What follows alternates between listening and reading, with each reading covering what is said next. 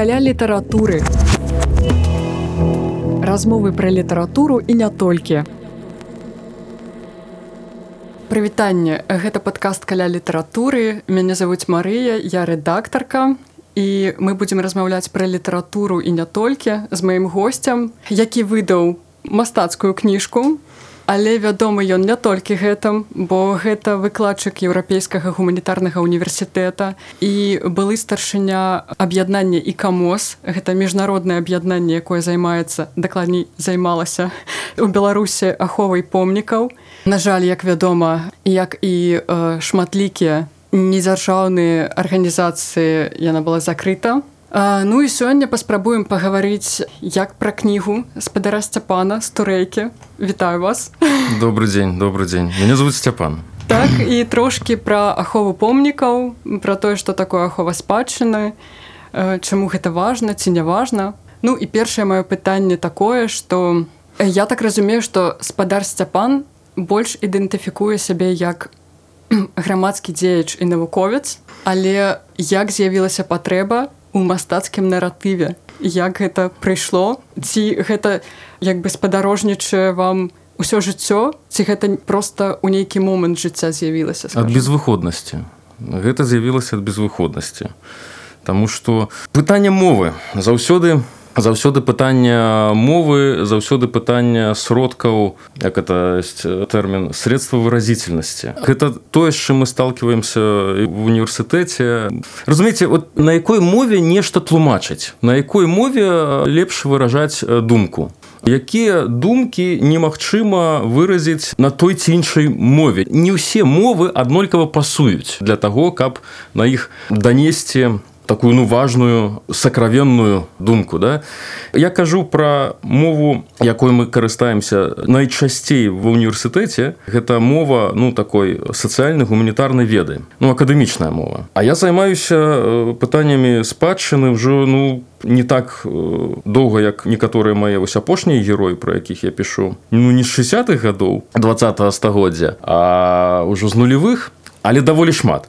І назапасілася столькі перажыванняў столькі парадоксаў столькі розных вар'яцкіх ідэй пра які я не магу сур'ёз распавядаць студэнтам ну падчас семінара. І я не магу на канферэнцыі гэта агучыць бо на мяне будуць глядзець я спрабаваў дарэчы і так глядзець як і на вар'яты. А і з іншага боку і трымаць у сабе гэта вельмі цяжка няма ніякая іншая выйсця чым знайсці форму вось гэтую. Ну і далей хто як. Хтосьці танчыць хтосьці малюе хтосьці фатаграфуе. А у мяне пачалі нараджацца ну, пэўныя вобразы якія ведаеце вось кніжка не пісалася. Там тры творы да, адзін маленькі а два такія ну як аповесці. І вось яны што першая што другая яны не пісаліся так ад пачатку до конца яны праступалі некі фрагменцік адзін фрагменцік другі некі вобраз. І у калі яны ўжо праступілі адсоткаў на 70 яшчэ было незразумела што гэта такое. І толькі потым я пачаў гэта ўсё неяк аб'ядноўваць выбудоўваць глядзець што сапраўды там атрымаліся нейкія ланцужкі. Ну і вось яно канчаткова так праступіла. Але адказваючы на ваше пытанне ад безвыходнасці.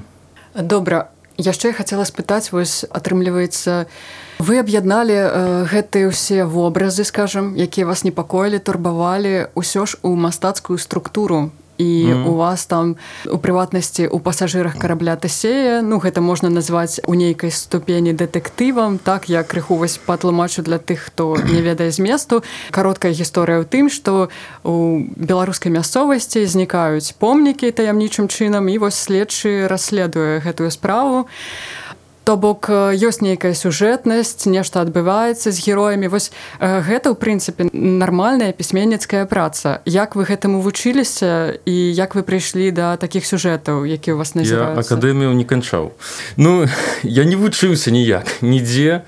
Я ж кажу, яно само. Я толькі прыдаў пэўную ну, агранку гэтаму вось такую ну, літаратурную То бок нават сама вось гэтая сюжэтная гісторыя яна сама неяк э, нарадзілася. Ну, штучна не, не ну глядзіце паколькі я э, кар'еру пабудаваў на пытанні што такое спадчына калі раптам хтось з моих студэнтаў мяне чуе то зараз вокла задзёргалася у людзей.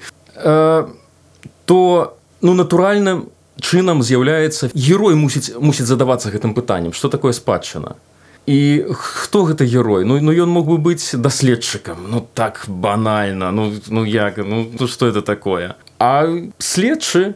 Ну і трэба тут э, таксама сказаць что кніжка выйшла летась але э, фактычна гэты твор напісаны ў 19 годзе яшчэ калі калі фігура следчага э, не выклікала вось такія негатыўны канатацыі ну выклікала но але ну ну не такія вось следчы які ідзе па следу які мае сілу на тое каб выпытваць у дзеючых вось гэтых персонажаў іншых каб задаваць ім вострыя пытанні у яго місія такая зразумець что там адбываецца расследаваць гэтую справу. І далей вакол гэтага строіцца некая у мне патрэбна было выбудаваць такія адносіны паміж героямі каб вось гэтыя пытанні ўзнікалі ну натуральным чынам.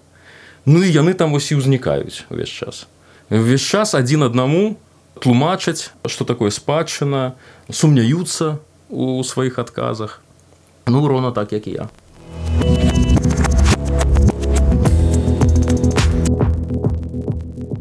Адкуль з'явілася вось такі э, ну як на маю думку наогул назва кніжкі пасажыры карабля тасея вельмі трапная. Яна Ой, мы так э, з рэдактаркай пакутвалі. Вось распавядзіце. Ну бо я э, хацеў ой якая ж была першапачатковая назва? Здаецца штосьці было звязана са спадчынай падарожжа. Але Ганна янкута яна сказала што слова спадчына ў назве не мае фігураваць ніякім чынам Таму што гэта абсалютна яна выклікае толькі слёзы і тугу парадзіме у нармальнага беларуса і ніхто гэта купляць не будзе. Яна мне параіла ў якасці прыклада пайсці на сайт здаецца пуліца рускай прэміі ці нейкай нейкай прэміі і паглядзець там модныя назвы. І першая назва, якая стала лаўрэатам недавно мне патрапілася на вока была назва кніжкі ураджай. Я я прапанаваў што калі ім можна аграрныя назвы то чаму бы не мне не Ну і потым неяк нейкім чынам нейкім чынам вось гэты вобраз карабля тысея ён но ён такі даволі моцны ён даволі вобраз... моцны. Ён вельмі адпавядае вось тым ідэям які вас там віруюць так. скажем так. бок ён так эту ідэю так раз выцягвае і так прыгожа ну, мне здаецца так, так, так, так. ну ну ну это прыйшлося напружыцца. Прыйшлося напружыцца потым ўжо просто ведаеце таксама ад безвыходнасці таму што ўжо трэба было неяк назваць. Уже Андрей Янушкевич прыспешваў. Ну так і атрымалася. Яшчэ вось вяртаючыся да таго як нараджаецца гэты твор. то у вас э, у прыватнасці у апошнім у апошняй аповесці наперад вяртання ёсць такія радкі што памяць ці там не ведаю свядомасць працуе такім чынам што у моманты нейкіх выпрабаванняў ты добра запамінаеш вось розныя дэталі і і асаблівасці таго што адбываецца і у мяне такое пытанне што з вами такое здаралася што у вас вось уся гэтая гісторыя назапасіліся якія такія выпрабаванні з вами здарыліся ў жыцці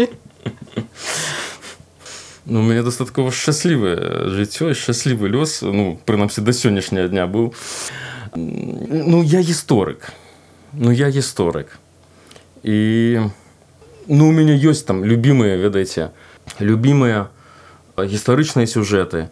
Апрача гэтага я пісаў дысертацыю пра афганскіх бежанцаў у беларусе Вось і гутары з гэтымі людзьмі і ну так ці інакш гэтыя ўсе рэчы прапускаеш праз сябе і калі ну, сёння гэта ўжо лепш зразумела двукосях дзякуючы абставінам нашым. Але вось гэта сітуацыя стрэса сітуацыя калі трэба зрывацца калі трэба бегчы калі трэба хавацца ад э, ракет і гэтак далей.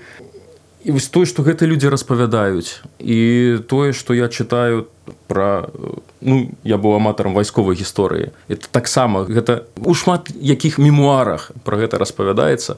Таму не тое каб гэта быў мой асабісты э, жыццёвы досвед але гэта такая даволі распаўсюджаная рэч Ну пра гэта шмат хто кажа шмат хто піша. Ну то бок вы такі кабінетны пісьменнік вы ўсё выцягваеце як бы з іншых твораў ці ну, я не пісьменнік я не пісьменнік вы не адчуваеце сябе пісьменнікам? Ну кабінетны то кабінетны але з іншага боку там усё праўда. Ось усе гэтыя вобразы і ўсе гэтыя ва ўсё кніжцы дарэчы. Дарэчы у вас у анатацыі напісана таксама хацела спытаць. Усе гісторыі заснаваны так, на рэальных падзеях. так ёсць просто у вас фантастычныя абсолютно сюжэты але гісторыі заснаваны на рэальных падзеях да так? гэта гэта не тут няма праблемы это форма форма такі містычны дэтэктыў а насамрэч кожны з гэтых элементаў кожны з гэтых вобразаў ён нараджаўся калі ну я дзесьці быў і штосьці адчуў там некаторыя сюжэты ведаеце я іх просто пераняў ад рэстаўратары распавядаць байкі напрыклад там я парачку пазаімстваваў ці нейкія просто рэальныя гісторыі але яны даведзены да абсурда. Бо так іх не так цікава распавядаць. Так што заснавана літаральна кожная старонка у ёй штосьці штосьці з рэальнасці. А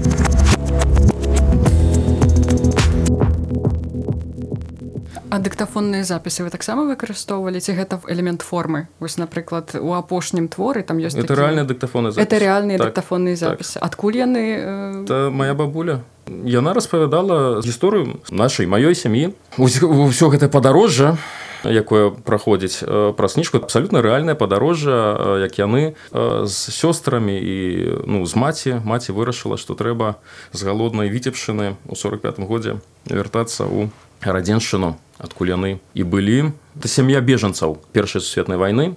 І такім чынам яны апынуліся на ўсходзе краіны. І потым чамусьці ад безвыходнасці ці яшчэ ад чагосьці там дастаткова такая цёмная гісторыя. Яны ў 45 годзе вось так на перакладных таварных цягніках вырашылі вяртацца на гарадзеншчыну абсалютна не разумеючы што яны там знойдуць шукаць сваю хату. Яны знайшлі і нейкім чынам іх атрымалася туды пасяліцца. Вось і калі, калі я чуў гэтую гісторыю, я яе запісаў і яна выкарыстаная. Летась эта бабуля памёрла. І было 96 здаецца. Я знаю, вось гісторыя захавалася бачце. Я то бачу. У мяне такое пытанне. Як іншыя вашыя знаёмыя ўспрымаюць вашу кніжку? Я бачыла две рэцэнзіі на яе. Марыі мнішак я на жаль uh -huh. не ведаю. Uh -huh. ананімны псеўданім uh -huh. і э, здаецца кацярына рускевич так звярнула увагу uh -huh. Вось ну, што што яшчэ што вось вам людзі так кажуць ну наогул вы адчуваеце задавальненне э, што вы зрабілі добрую справу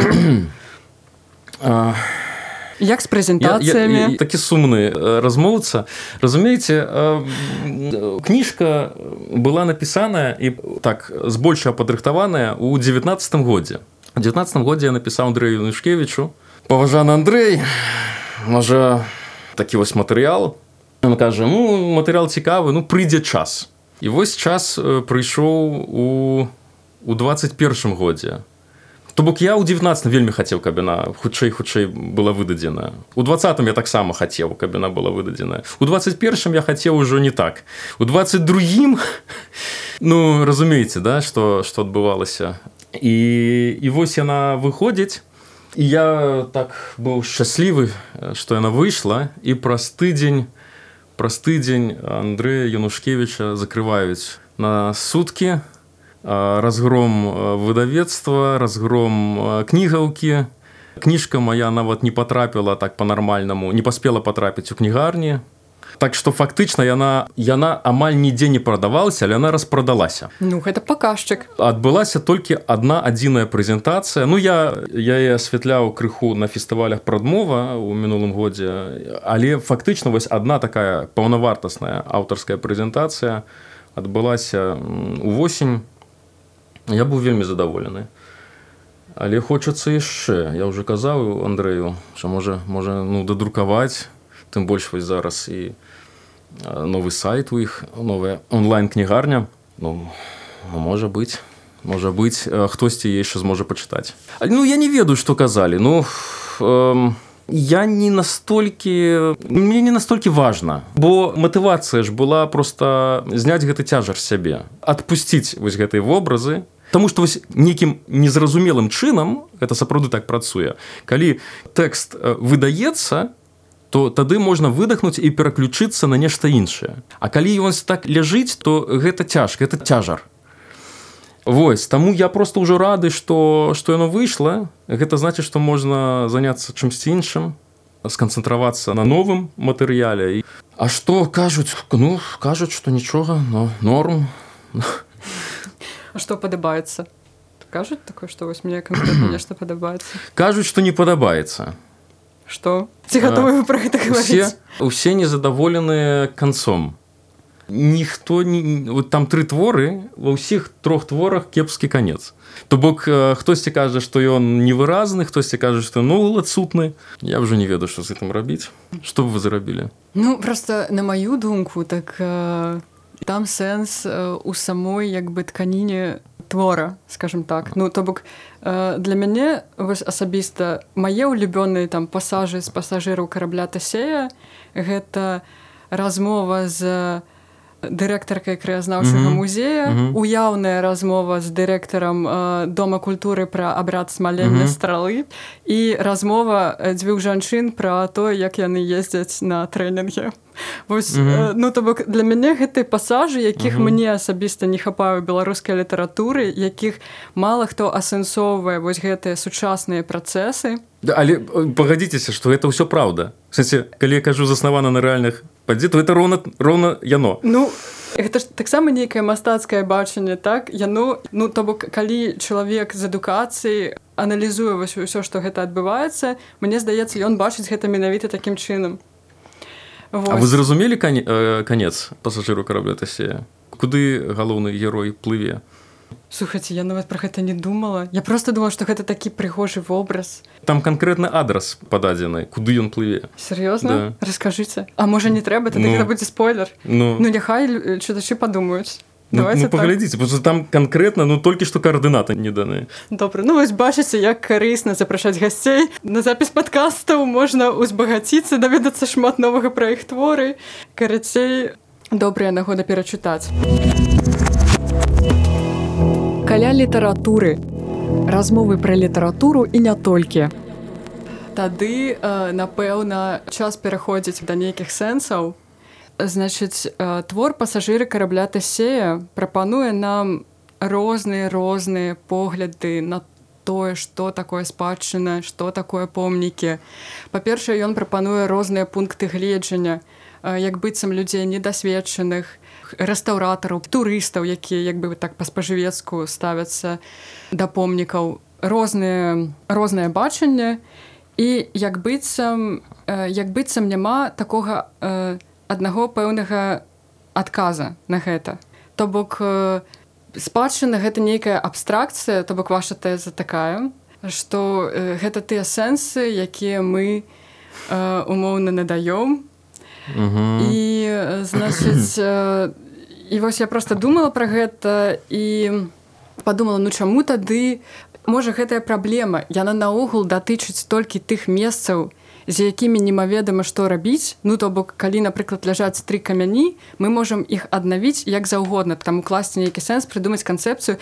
Ёсць месцы у якіх ёсць выразны сэнс напрыклад аўшвіц нам няма сэнсу разважаць про то што гэта такое там і гэтак далей. Ну мне здаецца там ўсё ж такі пасыл ну настолькі выразны што большасць людзей гэта адчувае. А вось калі напрыклад у беларусі у нас ну нейкія тры камяні ляжаць і мы думаем што з гэтага зрабіць нам дыснейленд ці месца памяці ці якую там канцэпцыю прыдумаць. Можа гэта наогул беларуская вось гэтая праблема калі ад помніка нічога не засталося і нам трэба прыдумаць нейкі сэнс. А калі помнік ужо вядомы прызнаны то бок не, не? не, не так. ну расскажыце тады. Ну наогул это спойлер. Что такое спадчына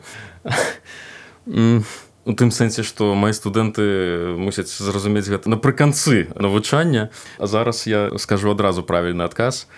Спадчына гэта дынамічная камунікатыўная структура вакол пэўных артефактаў ці з'яваў.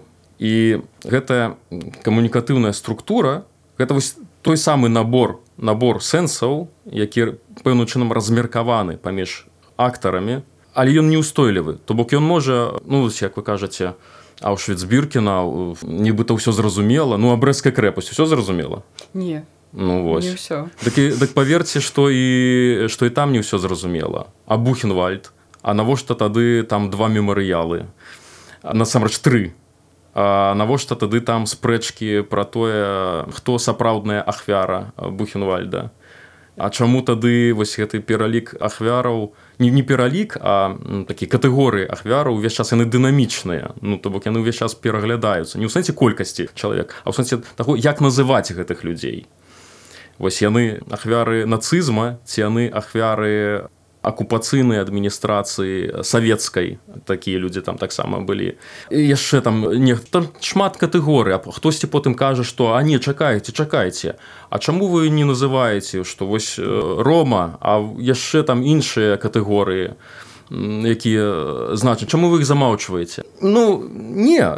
Насамрэч калі мірскі замак што можа быць больш зразумелым чым мірскі замак? Ну Вось откройце, што пісалі пра мірскі замак у часы расійскай імперыі, бо ён уже тады стаяў і тады ўжо вабіў людзей. Што пісалі пра мірскі замак, як яго інтэрпрэтавалі у міжваенны час, другая рэч паспалітая. Што казалі ў савецкі час, што кажуць сёння і што казалі ў 90-е, а што кажуць у 21 стагоддзі у святле статуса сусветнай спадчыны і гэта розныя розныя аб'екты з рознымі сэнсамі то бок не это дынамізм ён ён тут паўсюль добра ну а тады атрымліваецца што і вось хочам мы зрабіць напрыклад рэстаўрацыю нейкага аб'екта. І у так нас сама ёсць... камунікатыўны акт. Так добра глядзіць у нас ёсць там 10 гістарычных пластоў. Так. Э, такая гісторыя такога перыяду такога такога.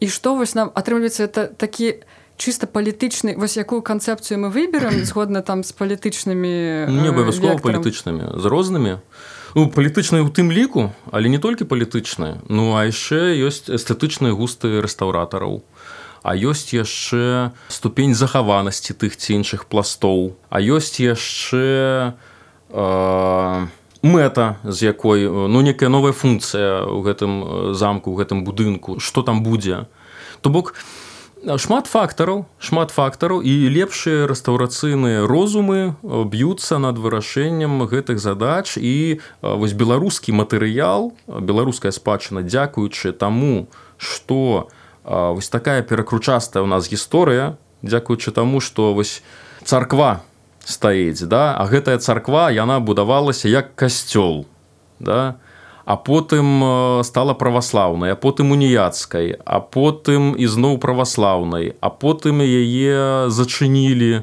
а потым адчынілі і вярнулі каталікам, адрэстаўравалі, а потым пачалася другая сусветная вайна і ізноў зачынілі, ператварылі на склад. Потым прыйшлі рэстаўратары, сталі рабіць там канцэртную залю а потым перабудова гласнасць вяртання вернікам. Ізноў там праваслаўныя але адрэстаўравана яна была як дзеля каталікоў раней яшчэ за палякамі. І трэба зрабіць яшчэ одну рэстаўрацыю. Цяпер на напяліваюць гэтай цыбуліны.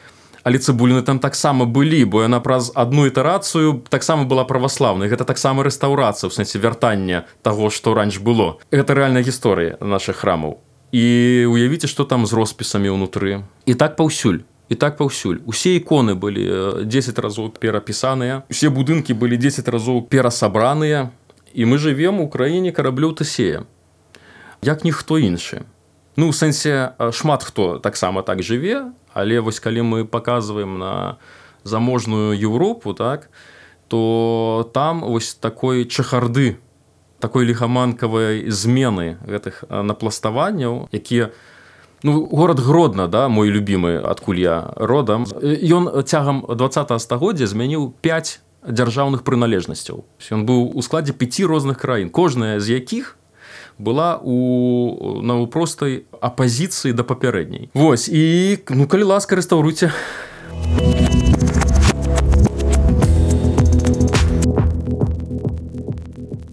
назовіце вось ну не ведаю топ-3 ці топ-5 ваших просто любимых рэстаўрацый у беларусе і чаму яны вам падабаюцца чаму на вашу думку яны зроблены добра это адначасова простае складанае пытанне я ўсё чакаю калі вы мяне запытаеце пра творчыя планы і вось акурат э, час наспеў адказаць на гэтае своечасовае пытанне А я зараз пишу кніжку працую над гэта не мастацка это это будзе ну я імкнуся каб гэта быў не не зусім акадэмічная праца хотя она грунтуецца безумоўна на даследаванні на акадэмічным. Мне хочется зрабіць это у фармаце такого нон-фікшена эта кніжка про гісторыю захавання спадчыны ў беларусі і я пасля таго як сутыкнуўся з аграмаднай колькасцю матэрыяла вырашыў сканцэнтравацца на савецкім перыядзе.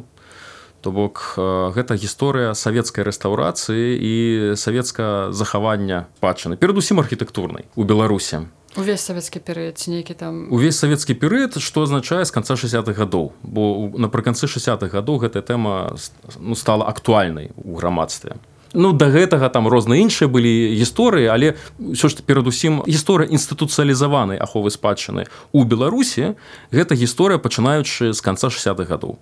І там просто ну бачна як нараджалася гэтая наша беларуская рэстаўрацыя як яны спрачаліся як яны по-рознаму падыходзілі да гэтых помнікаў як яны спрабавалі перавесці вось былыя церквы у рэгістр культурных аб'ектаў светецкіх То бок там за шматлікімі аб'ектамі цэлы свет ці сусвет ідэй думак спрэчак лёсаў людзей большасць з якіх рабіла вось той што мы рабілі упершыню. Кстати не было на што абаперціся не было школы.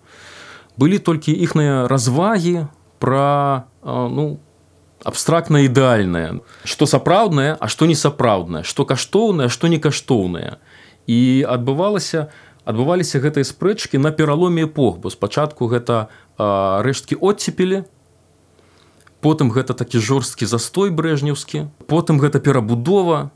То бок уявіце сабе што за 20-25 гадоў змянілася тры парадыгмы погляду на гісторыю на нацыянальная так на беларускае і вяртаючыся да ваших пытання якія найлепшыя рэстаўрацыі ну, что такое найлепшае ну, я уже просто их бачу. Ну, ясно что все адносна ведаеце бывает такое іррацыянальна вось падабаецца да. ці, ці рацыянальна я их бачу паводле закладзенай энергіі у гэтай пераўтварэнні у вельмі добрым становішчы знаходзяцца мінчане ёсць магчымасць пайсці і паглядзець на два аб'екты які з'яўляюцца просто выражэннем апазіцыйных супрацьлеглых поглядаў на тое як мусіць адбывацца рэстаўрацыя храма.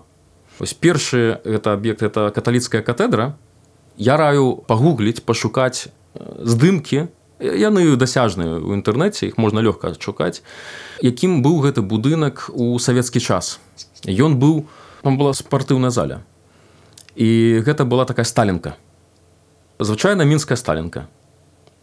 І потым як адбывалася трансфармацыя. А потым пайсці зайсці ва ўнутр і паспрабаваць адшукаць сляды розных слаёў розных розных эпох. Рэстаўратар аркаць самуілович шпунт рабіў гэтую рэстаўрацыю.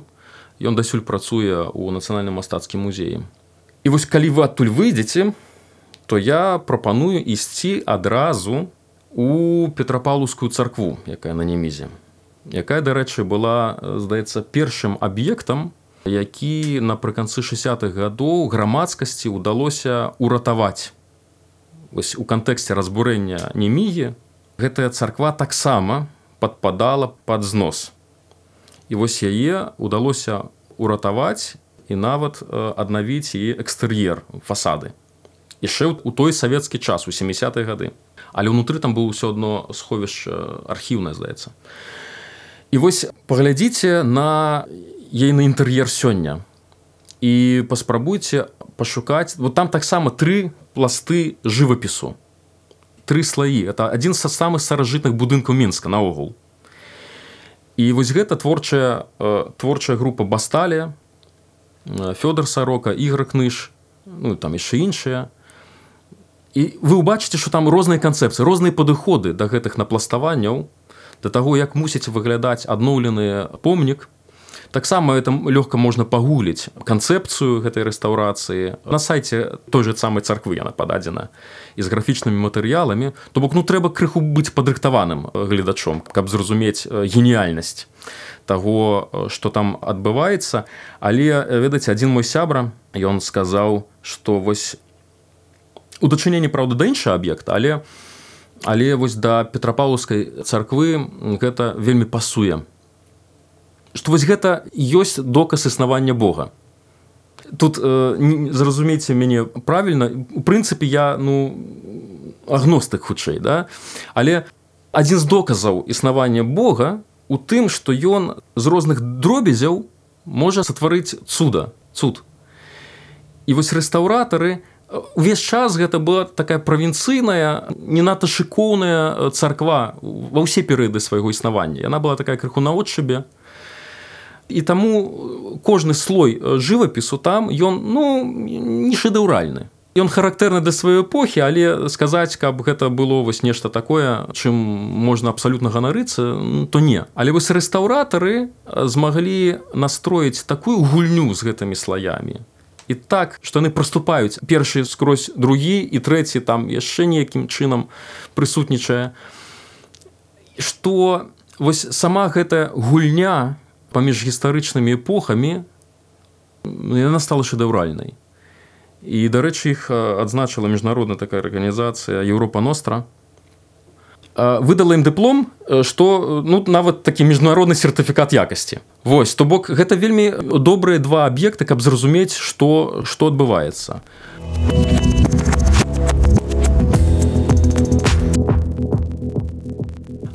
З'едзіце на гальшанскі замак і паспрабуйце зразумець задуму рэстаўратараў. З'ездзіце ў мірскі замак і паспрабуйце убачыць там дзве розныя і шмат у чым яны спрачаліся адна з іншай канцэпцыі аднаўлення замка. Бо спачатку замак аднаўляўся пад прафесійную тэхнічную вучэльню савецкі час. Гэта быў такі вельмі савецкі, але савецкі не ў кепскім сэнсе слова, а паводле унутранай такой ідэалогіі аб'ект. А потым у сярэдзіне 80-х гадоў гэтая канцэпцыя яна была вельмі моцна перайначана гэты аб'ект забралі у той каманды праектыроўшчыкаў які ім займаліся. І яго ж ужо сталі аднаўляць у такім нацыянальным духу і ты праектыроўшчыкі ёсць такая байка што адзін з іх спрабаваў скончыць жыццё самагубствам праз гэта. Ну это байка. То бок ну уявіць сабе вось гэтыя ўсе эмоцыі якія стаяць за помнікамі калі на іх паглядзець под правільным углом. Што яшчэ можна назваць Ну з нядаўняга можна з'ездзіць у віцебск паглядзець на тое як адноўлена будынак вось гэтай мастацкай вучэльні дзе працавалі ўсе малевич і гэты самы лісіцкі і шагал і і нават азгур. Вось паглядзіце як там з нічога з масляной фарбы на сцяне як яна пачынае у пэўным кантэксце звычайна масляная фарба яна становіцца экспанатам. І гэта ну гэта цуд гэта цуд. Гэта тое што можна паглядзець у беларусі. Брэская крэпасць дарэчы таксама вельмі цікавы аб'ект калі просто задумацца як яна паўставала на гэтых руінах як рабіліся хоумскія вароты які лёс у царквы якую спачатку зарабілі руінамі. І гэта такі міжнародны падыход да руйнаваных церкваў ёсць цэлая катэгорыя помнікаў. Руйнаваная царква. І вось савецкія рэстаўратары робячы вось гэты мемарыял брэскай крэпасці а яны пакінулі руіны царквы ну, былы афіцэрскі клуб. І потым ужо ў наш час і адбудавалі на праваслаўны манер. А сярод гэта ўсяго аграмадныя такія гэтай скульптуры гіганцкія гігантаманскія якія там як такія ну міражы да? Это вельмі моцны вобраз. Калі вось абстрагавацца ад ідэалагічнай напампаванасці гэтага мемарыяла якая абсалютна ну на мой погляд не адпавядае ўжо часу ну яна маральна састарэлая канешне ж это трэба вельмі моцна трэба выбудоўваць новую канцэпцыю інтэрпрэтацыі гэтага месца безумоўна але сам гэты мемарыял і як савецкія архітэктары працавалі з руінамі як рэстаўратары працавалі з імі гэта это фантастыка. У мяне напэўна засталося апошняе пытанне. Яно ў прынцыпе звязана з тым што мы зараз абмяркоўваем. Што страціла Беларусь з сыходам і камоса ну пакуль яшчэ не шмат у тым сэнсе што эксперты на месцах прынцыпе нават гэта спрэчнае пытанне на наконт сыхода і камоса. Таму што з пункту гледжання парыжа беларускі камітэт існуе. А у нас же была падвойная акрэдытацыя у мін'юсце і ў парыжы. Вось парыж нас усяляк падтрымлівае.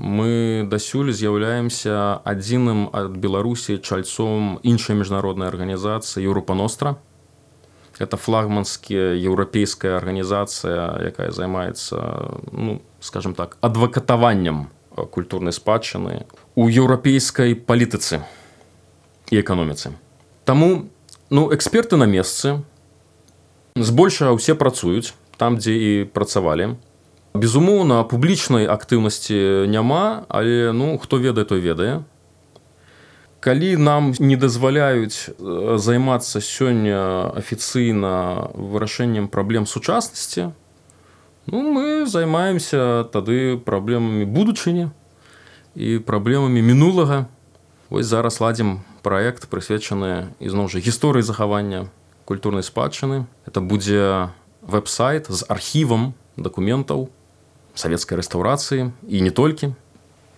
фантазіруем як мы будзем рэфармаваць сістэму захавання спадчыны ў будучыні спадзяюся недалёкай што трэба будзе зрабіць а як я трэба синхронізаваць з еўрапейскімі падыходамі. У нас патэнцыял ёсць. У прынцыпе да два года ён быў назапашаны дастаткова моцна і гэта не тая сфера дзе ўсё просто разбурыць. Так что у сказаць каб вельмі ўжо нешта Беларусь страціла праз тое што э, верхоўны суд прыняў рашэнне аб ліквідацыі арганізацыі ну крыўдна вельмі крыўдна Ну але мы працуем?